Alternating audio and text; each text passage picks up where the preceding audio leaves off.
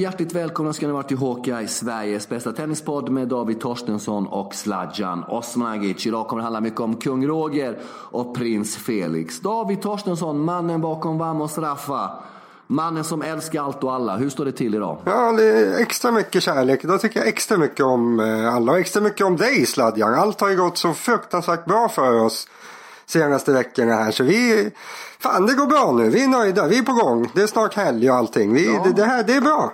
Ursäkta mig, jag är lite petig, men vad är det som har gått så bra? Nej, men det har varit, vi har inte haft några som helst ljudproblem senaste veckorna. Eh, eller hur? Det har varit, funkat perfekt. Ja.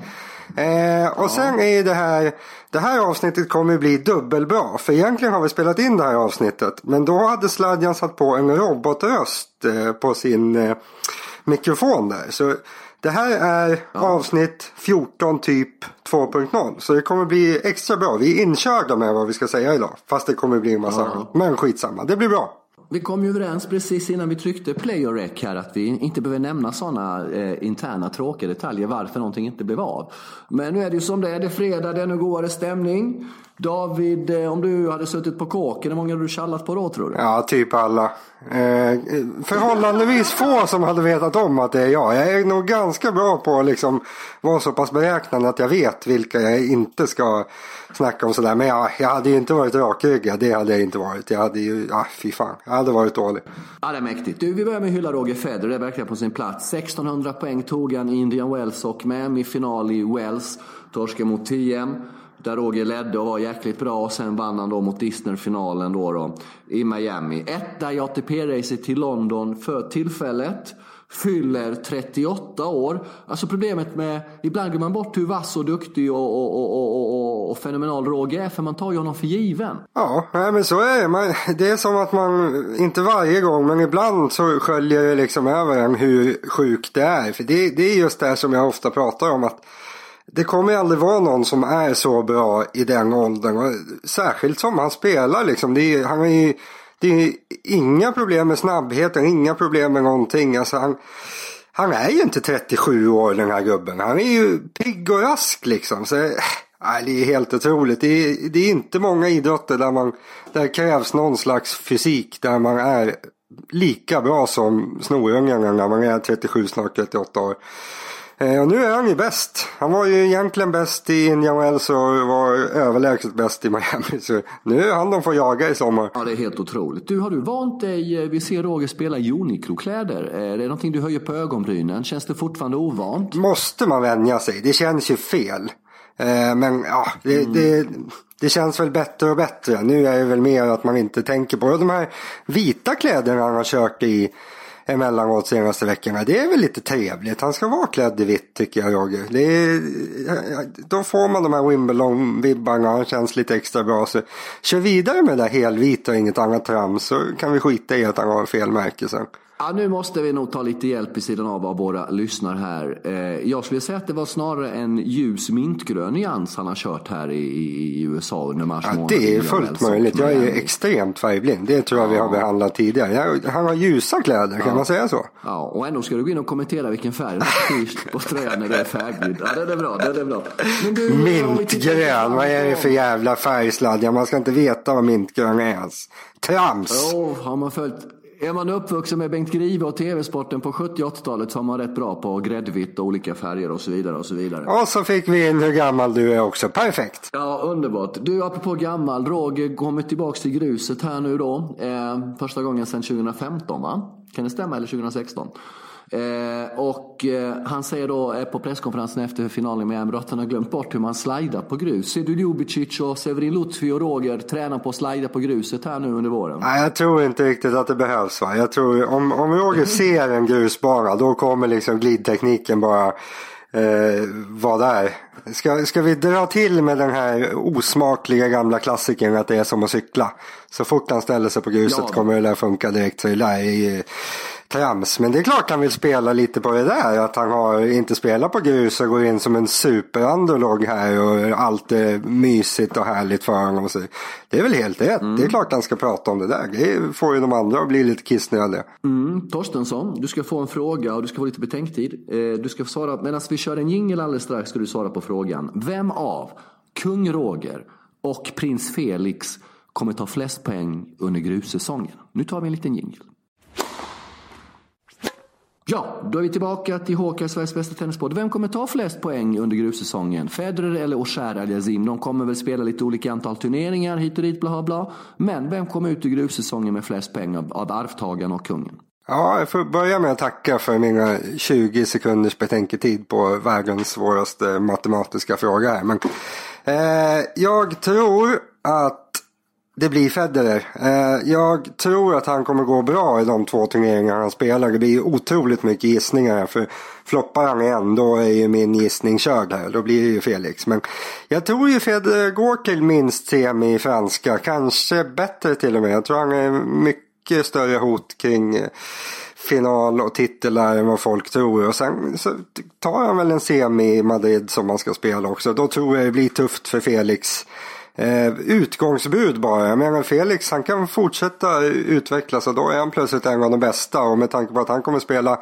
fyra, fem, sex turneringar så går han bra då kan Federer vara stekt om han bara åker i kvarten. Det är jättesvårt. Jag säger Federer. Själv då, vem tror du? Eh, eh usch, den är ju jätte, jättesvår. Eh, i, du, du, du, din uträkning är ju ganska intressant. Men min feeling är, och önskan, det är så ibland svårt att särskilja mellan önskan och känsla. Och tennisen är ju alltså jag ska inte säga ett desperat behov, men tennisen behöver ju en tronarving, en arvtagare som kommer upp. Som vi ser som till naturliga efterträdande successor till Rafa, Roger och Novak. Så min känsla är att han kommer gå jävligt långt i, i, i, på Roland Garros. Där finns mycket poäng att hämta. Prins Felix. När jag säger prins Felix har vi sagt två olika då helt enkelt istället för drut på detta. Ja, då får vi stämma av om så... två månader här. Och ni som lyssnar är på oss om detta. Vi hyllar Felix och skär El en aning. För några månader sedan utanför ATP-touren. Plats 32 eller 33 för tillfället. Gjorde sin första ATP-final i ATP 500 Sydamerika Rio. Gruset där förlorade mot i finalen. Eh, servade för första set eh, mot Disney vid 5-4. Servade för andra set mot Disney vid 5-4. När han servade för 5-4 i första set får jag ett meddelande på Messenger av en person som heter David Torstensson i Uppsala-trakten. Jävlar vad bra Felix är, han kommer ta det här. Nej, det är jobbigt läge nu, det är 15-40 egen serv. Så det jinxade du där, men det är ingenting vi behöver uppehålla oss vid allt för länge. Men eh, vad man älskar med Felix är att han verkar vara så jävla ambitiös. Han är så noggrann. Han har tagit det bästa av Djokovic och Nadal på något sätt. Han påminner väldigt mycket om dem på banan, men utan det psykotiska hos Nadal. Och kanske lite, eh, inte så mycket ruff runt edgarna som Novak kan ha emellanåt. Eh, Backhanden är väldigt mycket Djokovic över. Han rör sig. Alltså det är så mycket som är, som är tilltalande med den här tennisspelaren David. Ja, skönt. Vi behöver inte bråka här jag och Sladden. För vi båda är ju lite svaga för Felix. Vi gillar ju honom. Eh, sen om det var jag som jinxade honom eller inte. Eh, kanske lite. Jag kan vara lite otursförföljd ibland tror jag med sådana där grejer. Men det, var, det mest spännande var ju att man såg ju, det var någon som la ut på Twitter efter matchen här om hur han stod och tränade serv. Det var ju en timme lite drygt efter den här torsken mot Disney där han hade havererat i båda sätten när han skulle serva för sätten. Eh, då hade han stått ensam där utan tränare och det var två personer som tittade eller någonting och bara servat fram och tillbaka där på banan. Alltså det, det, världsstjärnor gör inte så. Det är sånt som tioåringar gör när de har torskat sin KM-final. Liksom. Det är något det är väl speciellt och det säger väl lite om hans inställning att den är nog fruktansvärt bra. Han är nog, ja, det finns inte jättemycket som talar emot att han ska bli bäst skulle jag säga inom kanske fem år. Så jag, jag tror ju att det är någon som ska bli överlägsen världsetta närmaste framtiden och då snackar jag 5-10 år. Då tror jag att det är Felix. Sen men det är inte sagt att det är helt säkert att han blir det. Men han har så enorm kapacitet i sitt spel att det är, ja, nu har han slagit igenom med 30 på rankingen och säkert topp 20 spelstyrkemässigt men det finns fortfarande otroligt mycket som ganska enkelt kan slipas på alla slag. Eh, med, med de förutsättningarna så kan man bli ganska bra. Eh, så, så det, det, blir roligt för Felix närmaste åren tror jag. Det blir det. Fyller år samma dag som Federer, 8 augusti. De är lejon båda två. Eh, och eh, han eh, fick ju då... Hur är ett lejon Sladjan? Du, du som kan din astrologi. Ett lejon? ja, hur är jag? Jag är också lejon. Men det vet jag inte. Jag anser det är jätteintressant. De säger att vi är så här ledarfigurer och grejer, vad fan vet jag. Ja, okej, Egocentriska, vi stå i centrum som du säkert märkt och så vidare. Och så vidare. Oavsett det då så, så, så, så, så, eh, så eh, var det en incident, du kommer ihåg US Open i höstas när han eh, fick Ja. match mot sin landsman Shapovalov med mycket tårar och känslor efter att han hade problem med en hjärtevävnad som han opererade efter det och ska vara fullt frisk. Och det är också intressant att han haft en liten sjukdomsissue. Men du berättar här, jag hade ju talat om honom via Twitter första gången 2015 när Ronic slut massa tweets om den här sensationella killen. Du har ju följt honom länge. Och berätta, han har ju slagit massa rekord på Challenger ITF också. Berätta lite grann vad han har presterat där. Ja, jag men, så här, rekord och sånt där, det är inte jag superintresserad av. Men så här, allmänt åldersmässigt har han ju alltid legat otroligt bra till.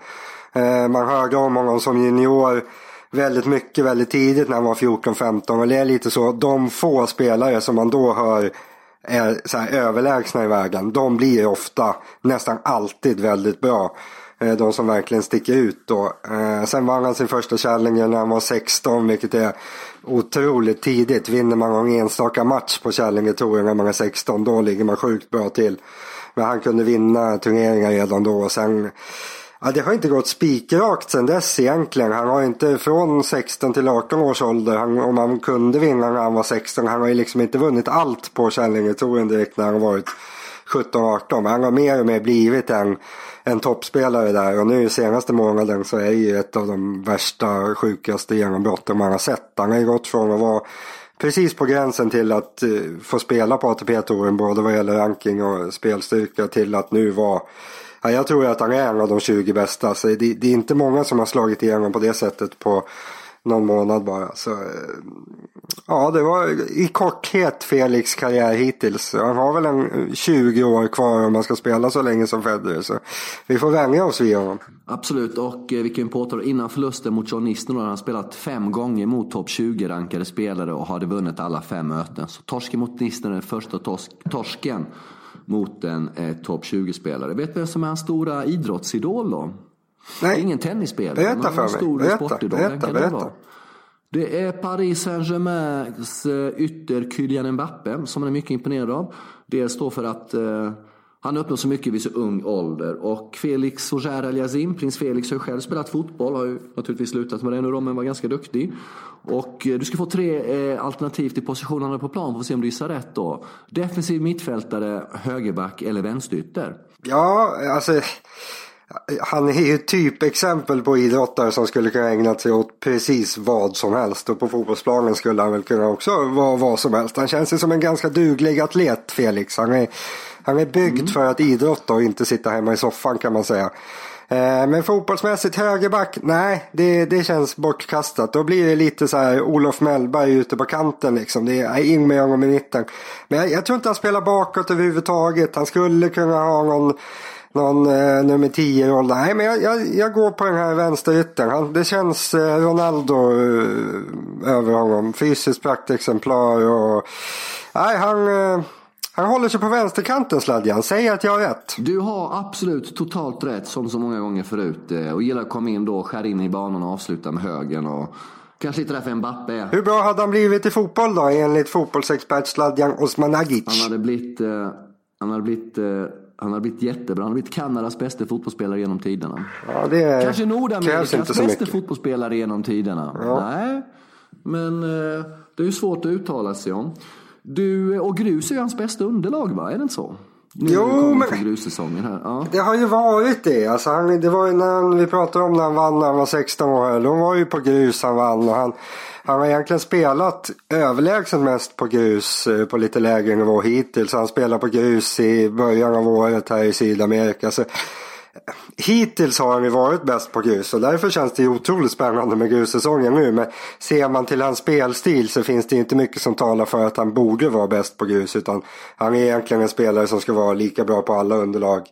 Eh, men det ska bli kul att se. Han har inte, han spelade ju några ATP-turneringar på grus i Sydamerika här eh, nyligen. Men han har egentligen inte spelat på grus på absolut högsta nivå. Han har inte mött någon av de absolut bästa. Så det ska bli spännande att se dem ta sig an honom. Det kan bli väl så tufft som det var på hardcourt nu. Mm. Maila till oss på hawkeye om ni tror om Felix eller då Roger tar flest poäng under grussäsongen. Du, eh, innan vi börjar lägga Felix till handlingarna. Eh, Quebec, provinsen Quebec, fransktalande provinsen Quebec i Kanada som han kommer från. Hans mamma är fransk-kanadensisk, hans pappa är från Togo. Men båda har franska som modersmål. Eh, spelar man på, på rött grus där som är i Europa eller är det amerikanska hårdare grus eller är det betong? Vad är normalast där? Jag tänker om vi har någon som lyssnar kanske som kan det här med tennisantropologi. Jag har ingen aning hur det funkar i den här fransktalande provinsen. Är det som i Europa eller inte? Alltså, har du någon koll på det? Ja, vi har väl försökt forska lite i det. Vi borde kanske ha forskat mm. mer. Men jag får uppfattningen om att det är mer grus än vad det är i USA i alla fall. Att de, har, liksom, de är ju franskinspirerade såklart med allt annat där. Att det därmed finns lite vanligt grus. Det här nordamerikanska gruset eller amerikanska eller vad man ska kalla det för. Det är väl på väg bort lite grann. Jag tror det, bygger man grusbanor där så använder man riktigt grus nu i allmänhet för att det helt enkelt är mycket bättre. Men alltså han, han verkar ju delvis i alla fall uppväxt på grus. Eh, men så, ja, våra, vi har säkert någon kanadensisk eh, lyssnare Sladjan så de får, de får hjälpa oss där. Ja, eller någon svensk som kanske varit utbytesstudent. Ja, vi vet inte. Exakt. Hör av er om ni har någon koll på det här. Du är lite nyfikna.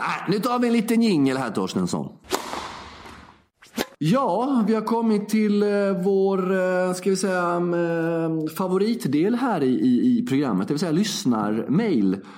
Som vi tycker är fantastiskt trevligt att ni skickar till oss då till hawkeye.com. Vi finns även på Insta och Twitter. Då heter vi Hawkeye Underline Podcast. På Twitter och Insta. Eller hur Torstensson? Det gör vi. Ja, självklart. Vi finns nästan överallt. Mm. Och det har kommit in ganska mycket frågor den här veckan. Och då gör vi så att att vi tar tre frågor från en och samma person. Albin eh, från Malmö har mejlat tre mycket intressanta frågor. Eh, och eh, skicka in till nästa vecka också. Snart kanske vi tar en lyssnarfrågespecial. Där vi den här veckan hade vi kunnat göra det va? Vi hade otroligt ja, bra utbud ja. den här veckan. Det var massor ja, av bra men. Vi lockar, vi lockar med lite längre fram och har bara köra en renodlad så här. Så det är lite upp till er att skicka in de här grymma frågorna. Vi börjar med Albins första fråga då. Och det blir hett direkt här David. Sladja nämnde, han tackar för en grym podd förresten. Vi tackar dig Albin för att du lyssnar på oss och vi tackar dig för att du har skickat frågorna. Fråga 1. Sladja nämnde i något tidigare avsnitt något om att han känner Fide Rosengren sedan tidigare. Då satt David tyst som en mus. Vi som följt Vamos Straffa, exakt, vet ju sedan tidigare att Davids ståndpunkter kring Fidde inte är de mest kom ja, eh, sådär. Eh, och om våra åsikter går isär kring den omtalade man. Jag eh, kan ju inte riktigt bedöma Fidde som tennistränare. Det är väl mer det du har gjort David. Jag kan bara bedöma Fidde som en före detta kollega och någon som jag har kontakt med. Och så när man ber om hjälp alltid hjälper till och ställer upp och och liksom slussa han vidare och fixa nummer och sånt där. Jag har bara gått och säga om Fidde, eh, inget annat. Men jag kan inte, har inte den professionella kunskapen att uttala mig om honom som tennistränare. Och det är väl där din kritik ligger mot Fidde David, är det inte så? Ja, precis så är det faktiskt. Det blir ju väldigt svårt. Alltså, när jag skriver väldigt mycket kritiskt mot en, en, en person inom tennisen. Då blir det som att det blir ett personpåhopp eller angrepp eller vad man ska säga. Fast jag egentligen aldrig har skrivit någonting negativt om hur han är som person. Som jag känner i Sladjan, jag känner ganska många som är bra kompisar med Fidde. Det verkar som att alla är kompisar med Fidde. Eh, och därmed måste han ju vara en ganska bra person liksom. Eh, sen jag har ju skrivit mycket negativt om honom som tennistränare. Det har jag inga problem att backa upp överhuvudtaget. Jag tycker hans insats som förbundskapten för några år sedan. Det var ju, det var ju katastrof. Det är ju bara att titta på hur resultaten eh, gick där och hur spelarna utvecklades. Alltså, eh, jag, jag, tror ju inte han är så bra som tennistränare. Han, han är säkert väldigt bra på att motivera folk att så här kortsiktigt att fan nu ska vi jobba, jobba, jobba, jobba, jobba, nu ska vi kämpa lite mer och så kämpar vi lite till och så fortsätter vi kämpa och nu jävlar jobbar vi. Det tror jag att han är jättebra på. Men jag tror inte att han är så duktig på att eh, inom den taktiska och tekniska delen av tennisen att utveckla tennisspelare tror jag inte han är så bra på. Det räcker väl med att titta på hur det har gått. Kortsiktigt går det ofta bra att ta in honom som tränare men sen Sen blir det dåligt. Eh, och det är väl min bild. Sen om man är en eh, supertrevlig kille som Sladjan är kompis med. Det har jag inga som helst problem med. tycker jag är jättebra. Men jag tror inte att han är den bästa tennistränaren. Mm. Fråga två från Albin i Malmö. Om ni två, du och jag, hade fått sätta ihop den perfekta tennisspelningen att välja slag för de spelare som finns på touren. Hur hade denna spelare sett ut? Tänker, Albin tänker då forehand, backhand, serve, volley och slice. Ja. Vem är forehanden då, då? Det har väl gjorts en miljon gånger här. Men ja, vilken får, får, får man välja? Är det bara nuvarande eller tidigare spelare? Ja, jag upplever det som att det är nuvarande. Nuvarande.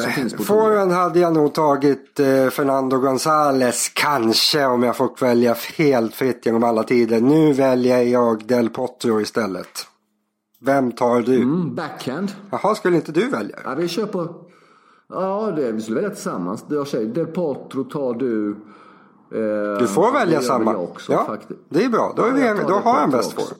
Backhand tar jag Djokovic. Ja, den är given. Det är inget att snacka om. Det är ingen diskussion ens. Mm. Serv, Kyrgios kanske? Jag tar nog Karlovic. Ja. Eh, volley? Ja, Federer. Federer, Federer, Federer. Ja, precis. Slice? Ja, det blir också Federer. Jag tror jag. Ja, det, den är nog ganska ja. given. Så har vi fråga tre då. Passande nog är det en koppling till den gudomlige här. Bra Albin. Han visste att vi skulle svara Federer på volley och slice. Det blir en perfekt övergång. Albin, fan du måste komma in och jobba som redaktör för det här programmet snart alltså. Vi betalar i egen ficka. Och vi tackar Betthard naturligtvis för att de gett oss möjlighet att podda om tennis. Det är vi väldigt tacksamma för. Eh, hur länge tror ni att den gudomlige rent teoretiskt kan hålla sin nivå under Albin? Tror ni att han hade vunnit matcher på Future-touren när han är 60 år gammal? Eller om han hållit nivå i dubbel när rullatorn inte är alltför långt borta? Han är grym Albin.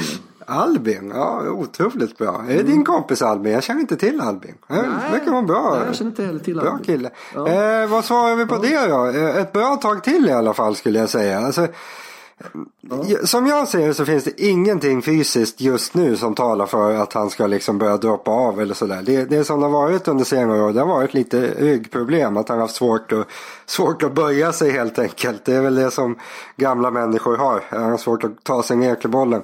Men snabbhetsmässigt där står han sig hur bra som helst. Och, det är klart som fan att man kan vara fysiskt stark tills man är både 40 och eh, några år efter 40. Så alltså, om, det inte bara, om det inte händer någonting och han kan fortsätta träna på eh, som han vill och sådär. Han skulle absolut kunna spela på ATP-touren tills han är 45. Det tror jag. Nu kommer det inte hända. Men, och så fort han känner att han, han inte riktigt är där och kan slå de bästa. Då kommer han ju lägga av. Men i teorin, mm. alltså han hade kunnat hålla sig på ATP-touren tills han är 45. Inget, och det är topp 100 alltså. Alltså. Det tror jag utan tvekan. Eh, nu får vi aldrig svar på den frågan. Sen eh, hur, länge han skulle kunna hålla sig på ännu lägre nivå. Eh, det blir ganska svårt. Men han, han har säkert några år till i, på Källingetouren i sig. Liksom. Så han skulle väl kunna avsluta som en hyfsad Källingespelare när han är 50 plus då kan vi väl säga. Eh, tack Albin för tre utmärkta frågor. Vi tar en tittarfråga, en lyssnarfråga till när vi ändå håller igång. Det här är ett ämne som du gillar ganska mycket. Det är bröderna Ymer det handlar om och det är Niklas Joelsson som har skrivit till oss på håkaisnabla.betthard.com. Tjena lads! Lite engelskt tilltal det gillar vi. Det gillar vi. Eh, det är något som fått mig att fundera på bröderna Ymers resultat på sistone, skriver Niklas här. Vad är det frågan om? Frågetecken. Antingen tappar man övertygande 1-0 ledningar eller så vänder de jobbiga 0-1 underlägen. Dessutom är det ofta tvära kast från typ 6-2 till 0-6 exempelvis. Riktiga Fognini-siffror som ämnesraden skvallrar om. Vad beror detta på? Frågetecken. Tillfälligheter eller en rejäl attitydsförändring beroende på utgången i första set? Frågetecken. Niklas har fått upp det till 7-8 riktiga vändningar i Elias-matcher bara i år. Och det sjuka skriver Niklas här avslutningsvis är att han skrev denna text innan Elias match i Alicante idag när det nu var när han vände 2-6 i första till enkel eh, 2-1 seger mot Justino. Eh, helt klart värt att diskutera i en podd med bra ljud, skriver Niklas. Och i övrigt tackar oss för en bra och underhållande podd. Tack för att du lyssnar Niklas. Ja, vad säger du om de här uppgifterna? Var någonting du har tänkt på? Ja, jag har tänkt jättemycket på det. Jag tror inte att jag har skrivit så mycket om det. Men det, det har alltid varit lite så. Det här gäller ju lillebror i mig också, Mikael i högsta grad. De spelar extremt mycket tresättare. Eh, och det, alltså, det är ju det är mentalt det handlar om. Jag såg den här matchen i Alicante i onsdags var det mot Giustino där och eh, ja alltså det han, han, är rädd för resultatet på något sätt. Att eh, de gånger han, han vinner första set då, då, är han, då, blir liksom för, då blir han för sugen på att vinna så låser sig spelet för det. De gånger han förlorar första set då, då slappnar han av lite grann. Då, då är förlusten nära och då kan han spela bättre. Eh, det var ju ännu sjukare här mot eh, Caruso. Igår var det va. Han låg under med 4-1 dubbelbreak. Eller något sånt där. Eller om det var 3-0. 1-0 och dubbelbreak i andra.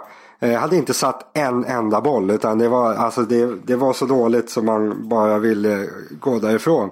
Men jag tänkte jag ska ändå kolla klart för det har varit så mycket sjuka vändningar på eh, Ymer åt båda håll den här säsongen. Så jag tänkte att jag ska kolla nu hur det ser ut. När, nu kommer han säkert vända Och det gör han ju. Då börjar han spela jättebra i andra set. Då vänder det där till 6-4.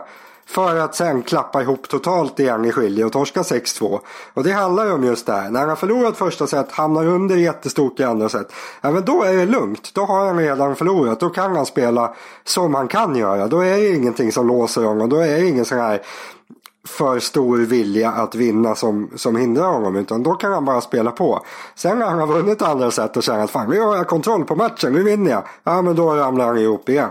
Så det är det där. Det är, det är dåligt mentalt ställt på honom helt enkelt. Det, det fungerar inte just nu. Och, jag vet inte vad man ska göra. Det, det, förhoppningsvis kommer man väl ur det där av sig självt. Att man börjar vinna lite matcher och sådär. Men eh, ja, det, det är svängningar på grund av skallen. Det är nog rätt enkelt att slå fast faktiskt. Okej, underbart. Eh, vi har gett ett uppdrag. Jag har gett ett uppdrag att lista de fem mest misslyckade eller fem sämsta turneringarna på touren. Är det en lista du har lust att dra innan vi rundar av för den här veckan, käre David Torstensson? Ja, men absolut. Det här, jag gillar ju mm, misslyckade härligt. saker. Det är mycket trevligare med, ja. med dåliga saker. Det kan man vara lite sur och så här, gubbgrinig. Ja, det är perfekt. Jag börjar från mm. plats fem. Eh, jag började någon gång på plats yes. ett. Då blev sladjan jättearg. Eh, ATP-turneringen i Sofia. Inomhus. Misslyckat. Yes. De spelar i någon slags Ja, det är en sån här gammal öststatslada som är enormt stor med stora läktare men så oskärmigt som det inte finns. Det är oftast ingen publik och det är bara tråkigt. Mm. Plats fyra.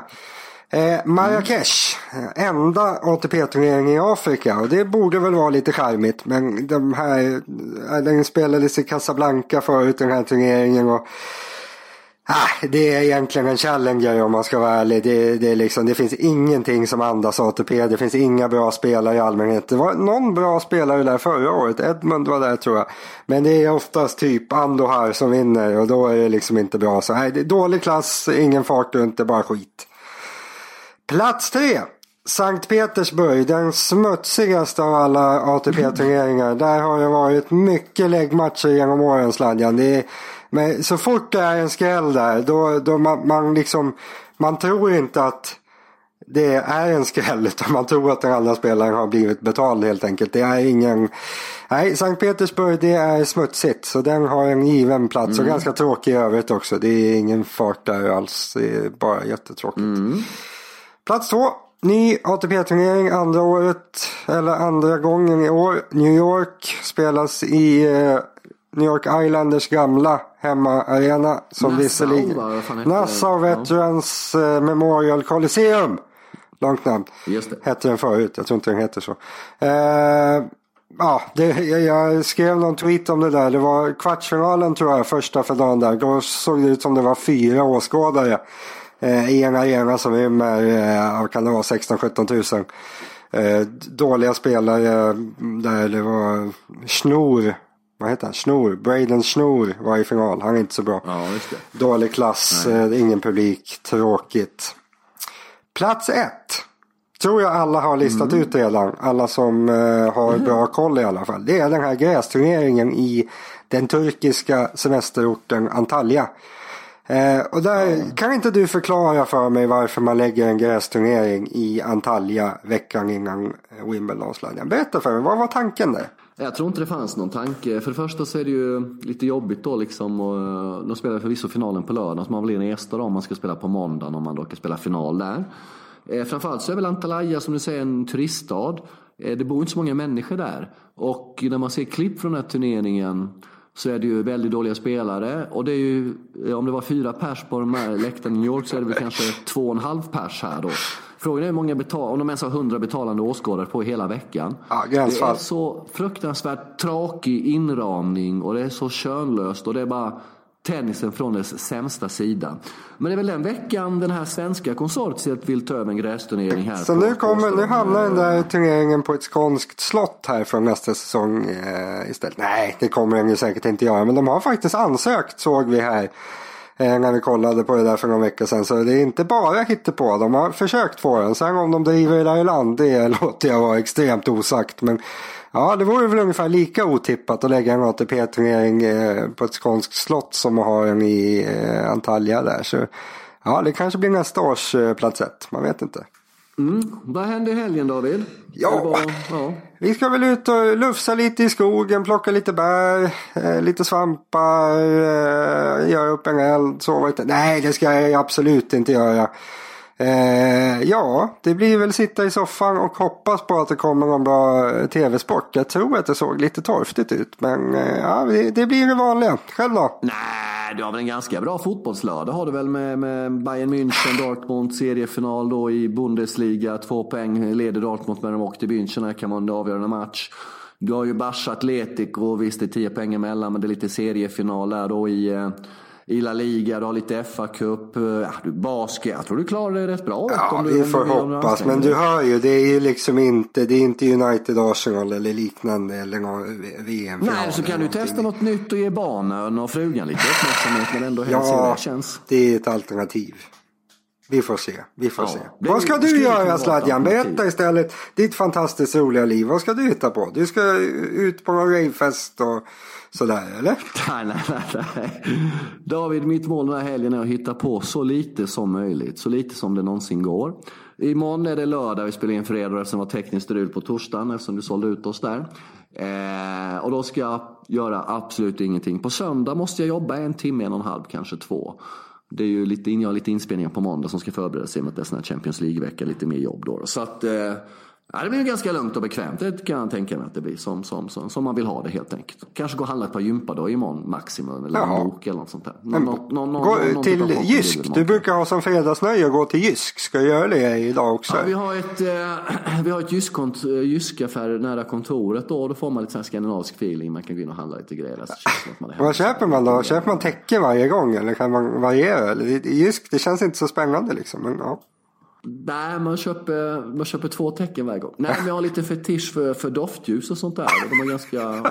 De har inte så bra doftljus, doftljusupplägg här eh, i, som hemma i Sverige. Så att Jysk är ett bra ställe då. Ja, nu, det där är ju konstigt. Det där, nu, nu vill inte folk fixa- höra mer. Nu, nu stängde folk Nej, precis av när de fick höra Nej, doftljus. är. Nej, men eh, jag läste en intervju med Djokovic. Han använder sig av toppljus för att nå, doftljus för att nå någon slags inre harmoni. Jag bara skojar med det. Eh, Jag såg en intervju med honom i Serbiska Vice. En Ja. videointervju. Serbiska Vice som gjordes för någon månad sedan som släpptes alldeles nyligen. Lång jävla intervju, 23 minuter. Han är lite skum ändå, det är han ju. Det måste man säga. Lite, lite, en liten touch av att vara Lite. skum. Ja.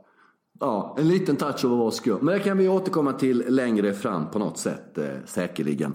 Vi tackar alla som har lyssnat. Stort tack till David. Fortsätt skicka in era eminenta lyssnarfrågor på betthard Åh vad dum jag är. Hawkeye snabel-a betthard.com.